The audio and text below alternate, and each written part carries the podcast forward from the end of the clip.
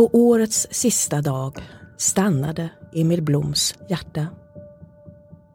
Han låg på ett köksgolv i Söderhamn med sex olika narkotiska preparat i kroppen. Han blev 27 år. Han var ett av 894 offer i Sverige det året.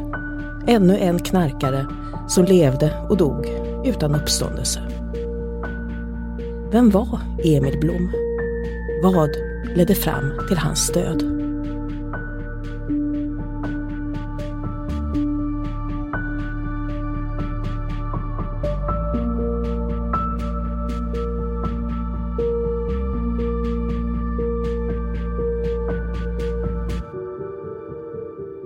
Säkert är att Emil Blom inte mådde bra efter julen 2019. Hans kropp skulle komma och skvallra om det. Blodet var ett kemiskt kaos av uppåttjack och lugnande. Kokain, amfetamin, ecstasy, Sanor, Sopiklon. Som att släcka brasan med fotogen. Eller försöka springa upp för en nedåtgående rulltrappa. Han hade klagat över andnöd. En kompis gav honom astmamedicin. När ambulans kom var det för sent. Nyårsafton var en tisdag. På fredagen var det meningen att Emil Blom skulle återvända till behandlingshemmet där han fortfarande var inskriven. Lotte och P.O. Blom säger genast ja. Men det ska dröja innan de orkar träffas och prata om sin Emil. De sänder mig fotografier. I skogen, med gitarren, på skolavslutning. Glimtar av det som var Emil Blom. På väggen i vardagsrummet hänger ett svartvitt fotografi. Blicken fäst vid något i fjärran, två fingrar fästa vid hakan. Det lite skälmska leendet kan vara äkta eller spelat. Han är 15 år och har just börjat må dåligt. Emil Bloms död inträffade en vecka efter en serie artiklar i Aftonbladet om narkotikadödligheten i Söderhamn. Den föranledde stadens makthavare att lugna invånarna. Knarkandet i Söderhamn är inte värre än i övriga Sverige och politikerna har lagt stor vikt och betonat det förebyggande arbetet som mycket viktigt. Så stod det på kommunens hemsida. Men det är inte för att svartmåla Söderhamn jag åker dit, utan för att berätta om narkotikadöden i Sverige. Från året 2010 dog 8616 svenskar till följd av narkotika. Av dem bodde 44 i Söderhamn med 25 000 invånare. I stort följer Söderhamn utvecklingen i övriga riket. Kurvan visar en startpunkt, särskilt tydlig i Söderhamn. I början av seklet dog varje år en eller möjligen två till följd av narkotika. Kurvan stiger brant 2010.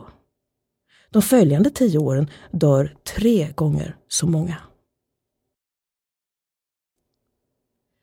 De senaste fem åren har i snitt fem dött varje år i överdoser. Några av dem begick självmord med narkotiska preparat. Förra året sju.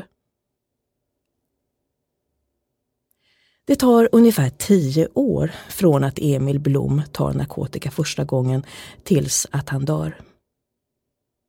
På ett fotografi strålar ett pojkansikte. Han är tio år. Han mådde som bäst. Han skulle senare säga till sin mamma att han längtade tillbaka till den känslan av självklar lycka. Hemma finns tre syskon. Föräldrarna driver en städfirma. Emil är en livlig pojke, ständigt i rörelse, nyfiken på allt, fotboll, innebandy, fågelskådning, musik. Familjens clown lär sig läsa som sexåring på egen hand utan att någon ser hur det går till. Ett ständigt spinn pågår i Emils huvud som blir värre. I senare tonåren väldigt mycket värre. Han kan inte sova. Storm i huvudet kallar han det. Föräldrarna söker vård. Några gånger är han inlagd. Ingen och ingenting tycks kunna hjälpa. ADHD-medicinering påbörjas och avbryts.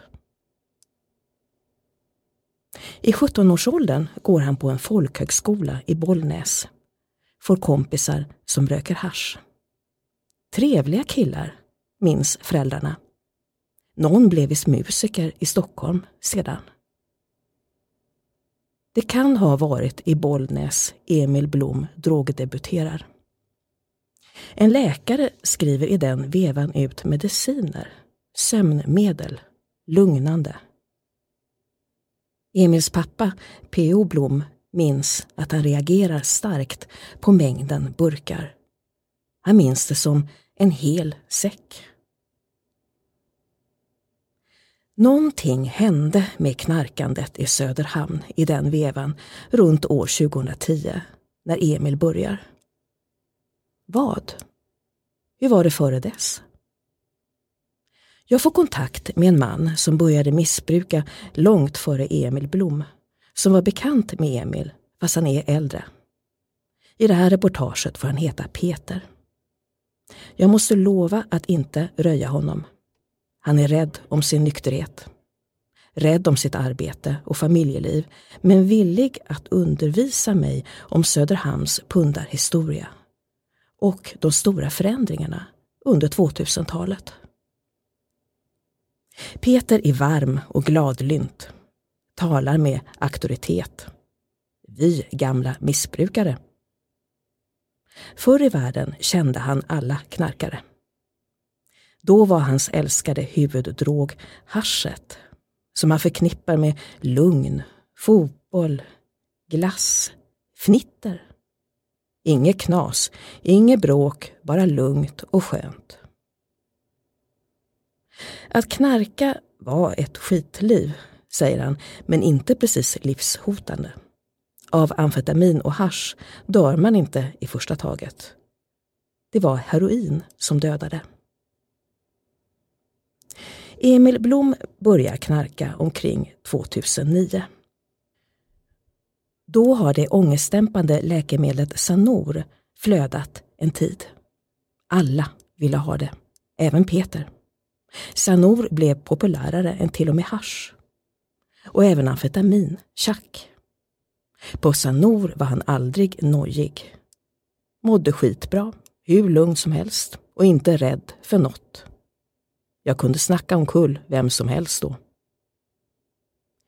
Tillgång var inget problem. Peter namnger läkare kända för sin frikostighet. Det finns ingen som är så duktig på att tigga piller som en missbrukare. När Emil Blom blir narkoman är läkemedelsknarkandet mer regel än undantag. Peter höjer rösten när han talar om subben. Subutex, en opiat som används för att behandla heroinister. Han rabblar namn på döda vänner som jag känner igen från min växande lista. Han utbrister. Jag hatar subben. Enligt Peter har bruket krypit ner i åldrarna kan rent av vara inkörsport till hårt knarkande. Och subben är inte att leka med. Själv bara slutade han. Då hade han knarkat sedan tidiga tonåren. En rastlös, uttråkad mopedkille som absolut inte mådde dåligt. Jag hade jättefin uppväxt, saknade inget, skolan gick bra. Han började knarka av nyfikenhet. Han slutade för att han var trött på karusellen. Drogjakten, brotten, avgiftningar, anstalter. Det var färdigt. Han var redo Han såg sin nyfödde son i ögonen och fattade ett beslut. Jag orkade fan inte längre.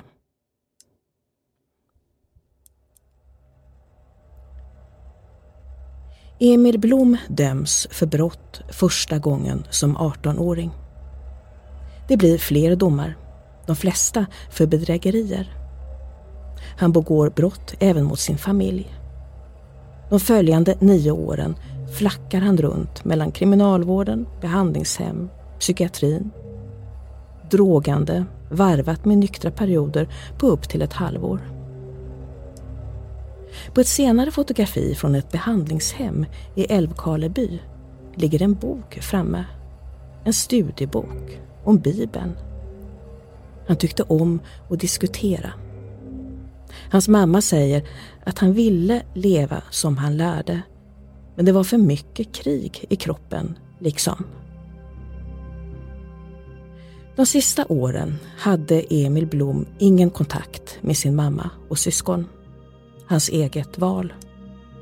Han var medveten om att han var en ständig källa till sorg, konflikter och besvikelser. I januari 2019 hade han avtjänat ett kortare fängelsestraff och kriminalvården gör en utredning. Risken för återfall bedöms hög. Emil Blom säger till utredaren att tolvstegsmetoden har fungerat för honom men fängelse är ett bättre alternativ. Han vill inte ha behandling. Han kommer inte längre på den vägen. Han säger jag har den kunskap jag behöver. Emil Blom har då 11 månader kvar att leva. Och trots sitt motstånd skulle han ännu en gång komma att läggas in för missbruksvård. Emil Bloms död skapade inga rubriker. Samtidigt kan ingen i Söderhamn vara ovetande om narkotikadöden. Larmet har gått. Inte bara en gång, utan om och om igen. Söderhamns-Kuriren publicerade 2013 och därefter 2015 granskningar av narkotikadöden i länet. Media fortsatte rapportera kritiskt om narkomanvården, missbruket, försäljningen, dödsoffren. Drabbade familjer har vittnat i hopp om att deras berättelse ska göra avtryck väcka engagemang, kanske till och med leda till förändring. Ett återkommande namn i artiklarna är förre kriminalchefen Sune Nord. Nu pensionerad, men det är på polishuset vi ses. Han har bokat ett samtalsrum. Poliserna i tjänst hejar glatt på sin förre chef. I början av 2000-talet ledde Sune Nord en framgångsrik narkotikagrupp. De arbetade i nätverk. Företrädare från polis, åklagare, skolledare, kriminalvården och socialtjänsten. De talade öppet på möten bakom stängd dörr. Han kallade sekretessen användes på ett vettigt sätt.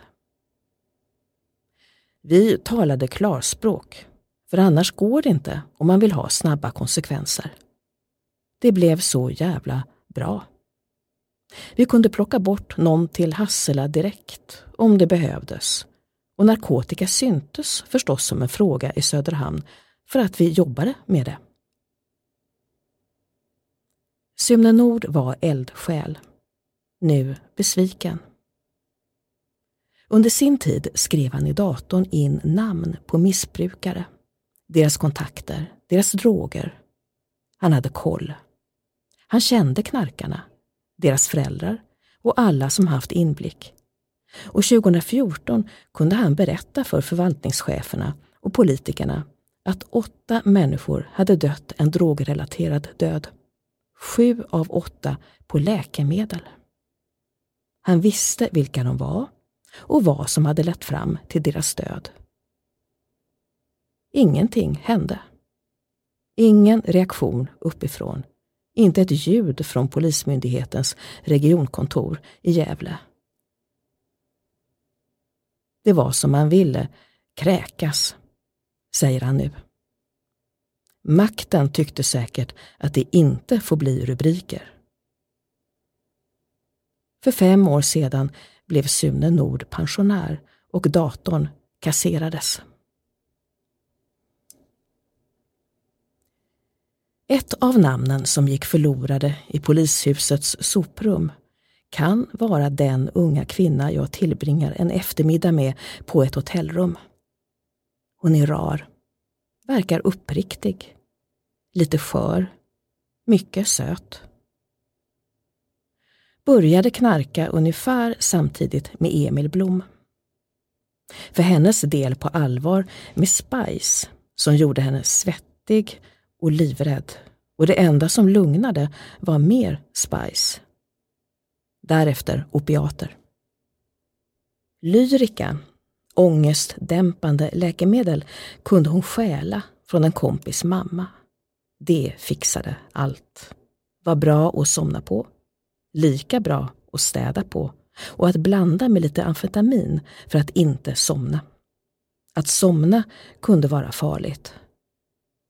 Metadon, starkt beroendeframkallande opiat avsett att behandla heroinister, var också farligt att injicera. Tar lång tid att processa i kroppen och svårt att dosera. Flera vänner dog. I sängar och snödrivor. Det var fruktansvärt, men ingen vändpunkt. Hon fortsatte knarka. Framförallt amfetamin och opiater. Jag brukar kalla mig blandmissbrukare, säger hon sakligt. Hennes berättelse är som en släktkrönika. Alla har förbindelser med alla, ofta hemlösa. Någon gång inkvarterade ett riktigt risigt gammalt gult trähus i stan. Emellanåt på behandling. Hon bläddrar i sin telefon, har namn och uppgifter om nästan allt jag vill veta och jag tänker att hon ensam skulle kunna projektleda en samtida studie av knarkandet i Söderhamn. Sedan ganska nyligen har hon med starkt stöd av sin familj blivit nykter. Berättar att hon nu bestämt sig. Och jag tror henne. Vill tro henne. Sedan berättar hon att det var hon som ringde ambulans när Emil Blom låg i kramper på ett köksgolv. En narkoman i Söderhamn hamnar förr eller senare på Sjövillan. Av äldre missbrukare kallad Långbänkt efter en nykter missbrukare som drev ett behandlingshem men plötsligt for till Stockholm, tog en överdos och dog. Då tog kommunen över. Sjövillan har tio platser, vägg i vägg med socialtjänstens beroendecentrum. Grunden är gruppsamtal, tolvstegsmodellen. Efterfrågan har ökat. Allt fler är yngre, stannar allt längre. Emil Blom var flera gånger på Sjövillan. Han tyckte om lugnet, rutinerna, personalen. Han höll gärna till i köket, lagade mat och bakade. Blev starkare. Sedan började han knarka igen. Så där höll det på. Emil Blom avvisades från Sjövillan framåt julen 2019. Han hade testats positivt på amfetamin. Då är det bara att lämna på minuten. Då har man brutit den avtalade vårdplanen. Emil Blom hade vid den tiden viss kontakt med sin pappa eftersom han var nykter. De skrev korta meddelanden till varandra över telefon. De pratade om att kanske ta en fika. På juldagen kände P.O. Blom på sig att något var galet och skrev Flyter det på eller har det blivit ett hack i skivan? Emil svarade Ett litet hack i skivan. Var dum och tog en tablett som gav utslag på narkotika. Om några dagar skulle han komma tillbaka. Sex dagar senare var han död. Vad hade hänt om Emil fått vara kvar på Sjövillan? Olika åsikter finns om nolltolerans på behandlingshem. Olika åsikter finns om nolltolerans på behandlingshem. Jag pratar med två personer som är på Sjövillan i behandling. De har varit där tidigare, tagit återfall, hoppas nu bli nyktra på riktigt. De vill inte ha påverkade människor i huset. Sånt skapar oro. Ska det gå åt helvete även för mig? Det andra synsättet är att beroendet är sjukdom och återfall tillhör sjukdomen. En cancerpatient blir ju knappast utslängd för att sjukdomen visar symptom.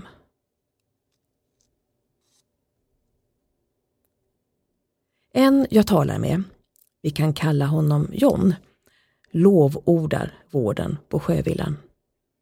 Han kände Emil Blom.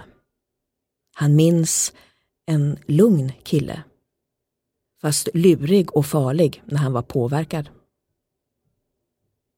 Johns missbruk var, i likhet med Emil Blom, amfetamin och lugnande läkemedel. Det förra för att komma loss, få de sexuella kickarna, slippa tänka. Och benzo för att slappna av. Den här gången ska John sluta för gott. Det är fel att skylla på vården. Vården är bra och jag har alltid fått vård så fort jag räckt upp handen. Sen är det upp till en själv. Man måste ta ansvar själv, verkligen jobba på det. Och det är tufft jobb. Emil Blom tog istället ännu ett återfall. Vad hände i hans hjärna? Familjen säger att han ville sluta, verkligen ville. Han fann sig väl till rätta på Sjövillan. Han var ändå inte redo. Min bekant Peter berättar om sina behandlingar på Sjövillan och andra ställen att han innerst inne bar ett hemligt beslut att börja knarka igen. Han bidade sin tid. Behandlingen var för att undkomma värre konsekvenser. Jag behövde helt enkelt vila upp mig.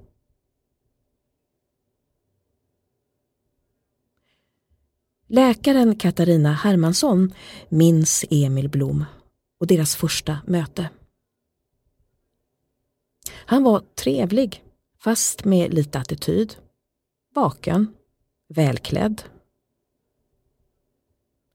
På den tiden var hon ansvarig läkare på Söderhamns omstartade beroendeenhet.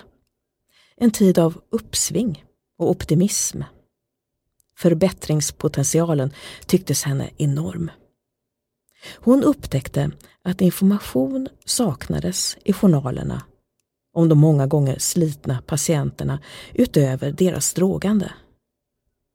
Det verkade som att sjukvården hade lämnat makten åt socialtjänsten och behandlingen mest handlat om enskilda allmänna stödsamtal. Missbrukarpersonligheter älskar att sitta sådär mysigt och tala om problem. Men missbruk är ingenting man bara pratar bort. Beteendeförändring är det som ska till och kunskap om vad som händer i hjärnan. Katarina Hermansson är inte psykiater utan allmänläkare som kom att bli utbildare inom beroendevården. Hon säger konsekvent beroende och inte missbrukare som hon anser är gammalt flummigt soc-ord från 70-talet. När hon började tycktes förbättringspotentialen enorm. Personalen var hängiven. Hon utbildade psykiatrin om hur hjärnan fungerar. Nyckeln för att förstå hur drogen kidnappar en människa och blir viktigare än någon annan belöning. Mycket viktigare än att känna vardagliga känslor eller infria drömmar. Hon verkade för att återfall inte är skäl för utskrivning. Katarina Hermansson tror inte att återfall beror på bristande motivation utan för att hjärnan fortfarande är inställd på överlevnad och att snabbt tillfredsställa behov. Hjärnan måste läka. Det tar omkring två år. Det kändes som att vi hade något bra på gång. Jag trodde kunskap skulle hjälpa. Men narkotikasituationen blev inte bättre. Hon mötte 16-åringar som knarkat sedan de var 13 utan att någon märkte. Annat än som att de var stökiga och inte klarade skolan. Det var svårt. Barnen var kemiskt trasiga. De knarkade inte för att de mådde dåligt utan för att de hade stött på knark. Drogerna var starka, mer potenta än de hon redan kände till. På ecstasy kunde de bli helt galna. Ständigt kom nya varianter. De var före oss hela tiden. Den nya synen på behandling drev utvecklingen. LARO Läkemedelsassisterad rehabilitering vid opioidbehandling. Redan på 90-talet förekom att heroinister behandlades medicinskt. Men 2006 släppte Socialstyrelsen behandlingen fritt. Kranarna öppnades. Och det läcker. Ingen vet säkert hur mycket. Var fjärde patient säljer vidare, enligt en Malmöstudie 2015. Socialstyrelsen har förnekat problemen. Katarina Hermansson började misströsta. Hon fortsatte jaga journaler, kollade uttagen, kände sig allt mer som drogpolis och alltid steget bakom. Stafettläkare skrev ut nya droger till patienter som tvärtom skulle avgiftas. Hon slog larm. Vid tre tillfällen dödshotades hon av patienter som blivit av med sina tabletter. Jag tappade arbetsglädjen och kände rädsla och maktlöshet. Länge hoppades hon att beroendevården skulle reformeras som en stor omfattande statlig utredning hade föreslagit och få en huvudman, inte två. Det blev inte så. Fortfarande bollas narkomaner mellan socialtjänsten och vården. Efter sju år var de färre i Söderhamn som arbetade med beroende. Kommunen verkade ointresserad av verksamheten. Hennes team tog fram en lista på åtta narkotikarelaterade dödsfall, konkreta fallbeskrivningar. Tjänstemännen svarade att hon hade fel. Så många var de inte.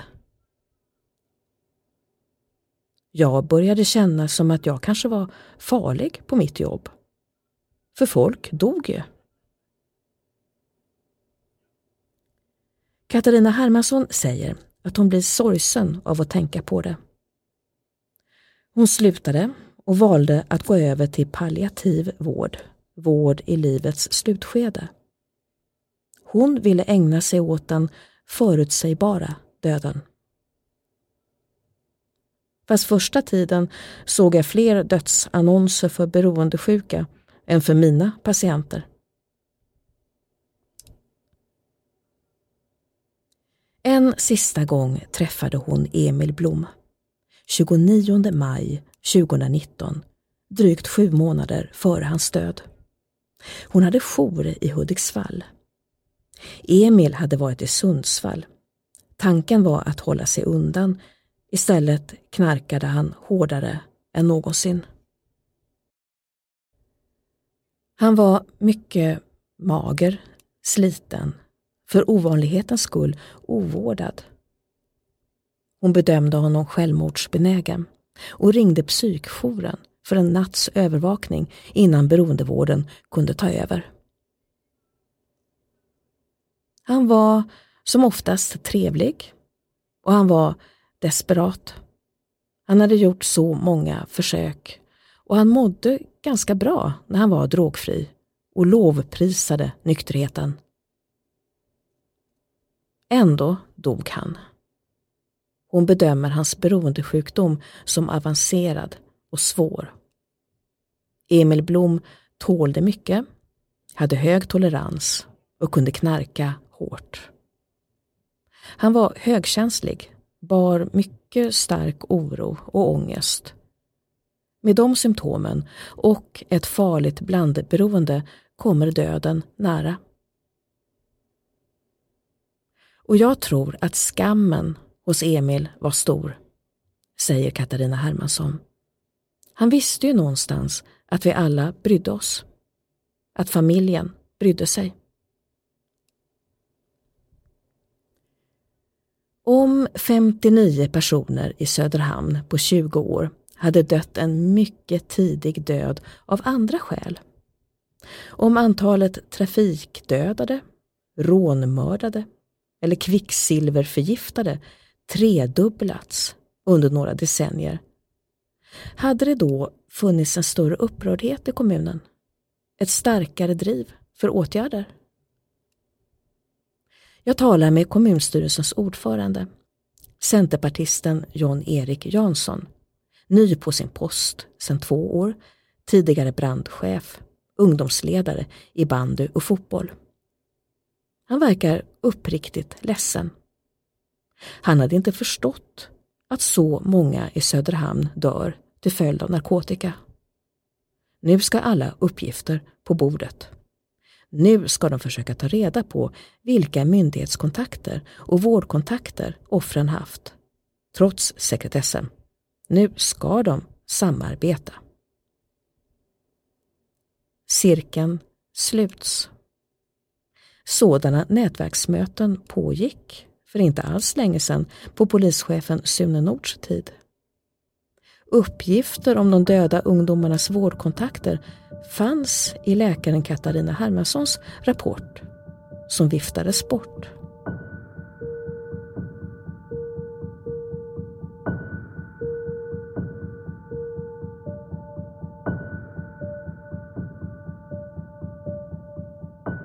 Jag har som reporter fått en viss bild av Emil Bloms död och av 34 av de minst 59 offren.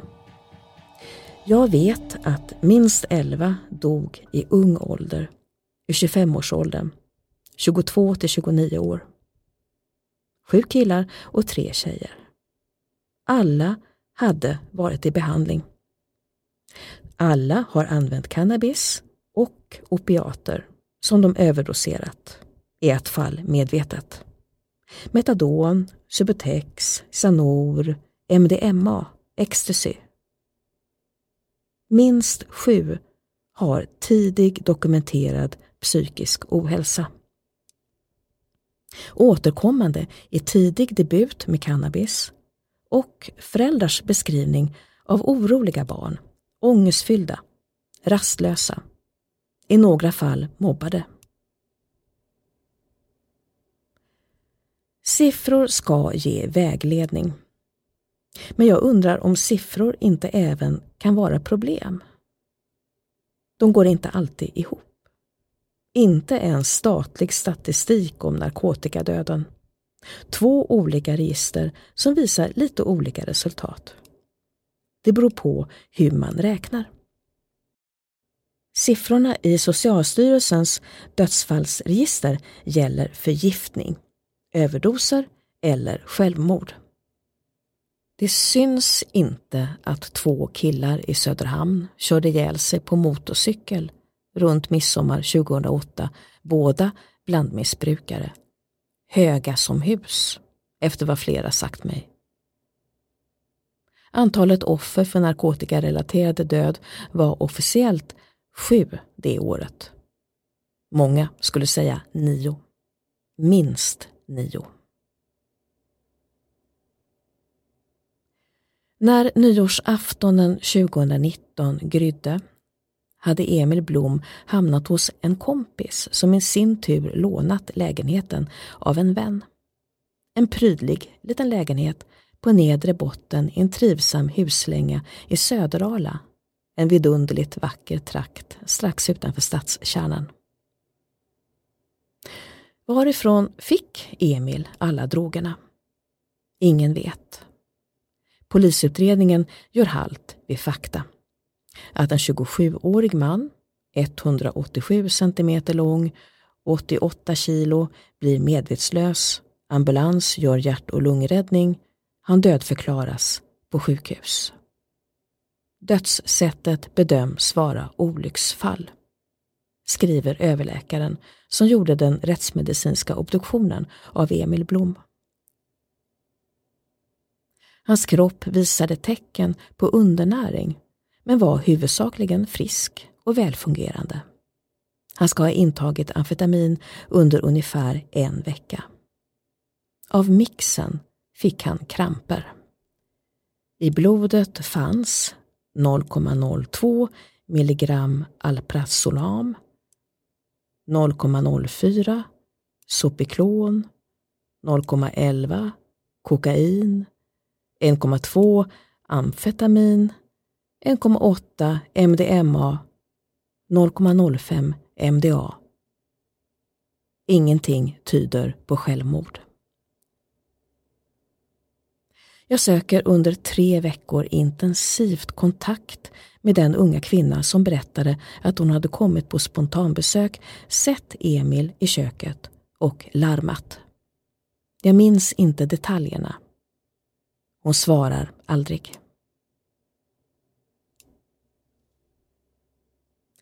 Alla jag talar med, missbrukare, poliser, föräldrar, vården, säger att de ungas knarkande förändrats, framförallt normaliserats.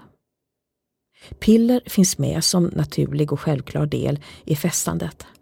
Ungarna debuterar fortfarande på cannabis, fortsätter med amfetamin, kokain och piller. Som de blandar hejdlöst. Tonårsknarkandet syns sporadiskt i medierna. Fler unga använder narkotika, tyder på ökad tillgång. DN 4 september 2020. Polisens larm, högstadieelever höga på kokain i skolan. SVT 8 oktober 2019. Någon gång om året rapporteras de årliga nationella mätningarna i skolorna. I senaste rapporten benämns knarkandet stabilt. Var femte kille i gymnasiets andra årskurs hade någon gång använt narkotika. Cannabis är vanligast. Fakta finns, men inte alltid framlagda så att en tonåring tror dem. Jag talar med Niklas Eklund på Brukarföreningen Stockholm. Föreningen för människor som använder narkotika. Som bekräftar det jag hört om nya vanor. Ungarna partyknarkar på till exempel tre Sanor och en folköl. Tokfylla och sen somnar man. Tabletten kostar 10 kronor på nätet. Amfetamin 150 kronor för ett gram som räcker till 10 personer. En dagsdos metadon räcker till lika många. Han menar att samhället har ett informationsproblem. Skräckpropagandan i skolan får ingen effekt. Modernare förebilder behövs än en äldre heroinist som företräder nykterhetsorganisation. En ung person tror sig osårbar för missbruk. De tror att cannabis är ofarligt för att deras äldre syskon provat. De måste få saklig information om hur hjärnan påverkades. De tror att cannabis är ofarligt för att deras äldre syskon provat. De måste få saklig information om hur hjärnan påverkas och av en yngre person som är trovärdig kanske till och med säger att de haft kul också. Alla fakta ska fram, säger han. Ungarna kollar ändå själva på nätet. de har redan läst att 90 procent av de som provar cannabis inte utvecklar beroendesjukdom. Emil Blom utvecklade missbruk. Varför just han? Ingen har koden. Emil Blom hade en omsorgsfull familj, fick vård tidigt. Mattias Fredlund kände Emil. Då var han ungdomspolis i Söderhamn. Ingen missbrukare vill egentligen leva i missbruk. Eller nästan ingen. Några slutade knarka. Andra fortsatte. Mattias Fredlund kunde aldrig räkna ut vilken väg det ska gå. Vad hjälper? Han brukade säga informera. Nu är han osäker. Det är inte så enkelt. Alla vet att knark är farligt.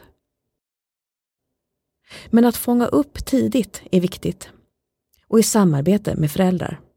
Man ska vara som en igel som hela tiden gör det jättesvårt. Men ensam går det inte, man måste ha föräldrar med sig. Och inte sådana föräldrar som vill lägga skulden på polis, socialtjänst och skola, men aldrig det egna barnet. För några år sedan slutade Mattias Fredlund som ungdomspolis. Han hade suttit på evinnerliga veckomöten med socialtjänsten, hoppats på att de kunde göra något. Vad? Han svarar att han inte vet. Men att åtminstone skicka ungarna långt bort för vård, inte placera dem i närområdet. Mattias Fredlund slutade för att han i den nya organisationen inte kunde arbeta som han ville, på gatan, bygga relationer till ungdomarna, hårdbevaka alla kända leverantörer. Det sättet att jobba är inte i ropet längre när man jobbar med narkotika. Vad kan Söderhamns kommun göra? De skulle kunna tala med Sven Persson. De har redan anlitat honom. Sven Persson, socionom, jobbat med narkotika i hundra år, tog i våras fram en rapport som hittills inte lett till någonting. Han säger att Söderhamn har alla förutsättningar att jobba med narkotikadöden. Samhället är litet. Nio av tio är kända i vården och av myndigheter när de dör. Det borde inte vara ogörligt att i förebyggande syfte hitta ungefär 20 cannabisrökande tonåringar i högstadiet i varje årskull. Fler är de inte. Men det måste ju arbetas, säger Sen Persson. Det måste till fältarbete. Man måste ut på gatorna.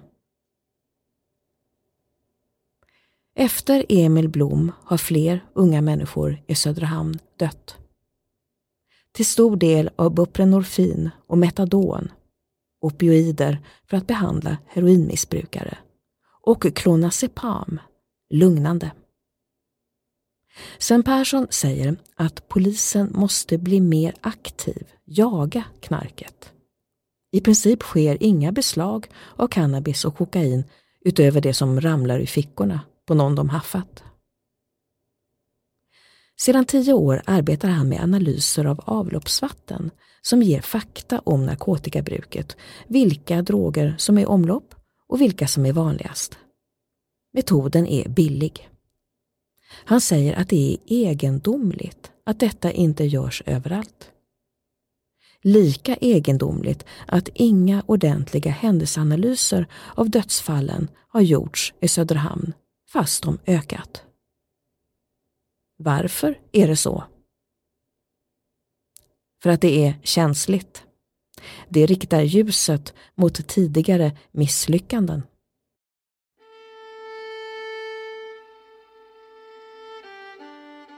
Någon av de första dagarna i januari 2020 åkte P.O. Blom till Sjövillan för att hämta sin döde sons kläder. Föreståndaren Victoria Johansson grät. Han hämtade en säck och slängde alltsammans. Han ångrar sin brådska. Nästan ingenting finns kvar efter Emil utöver fotografierna och minnena. Det är enkelt att tala med P.O. Blom om Emil. Han är allvarlig och stillsam. Sorgen bor inuti, bakom stängd dörr. Som han grubblat. Vad mer kunde ha gjorts? Vad tänkte läkarna på? Emil kunde vara vaken tre dygn men sov bra på cannabis. Vad ställde de starka sömnmedlen till?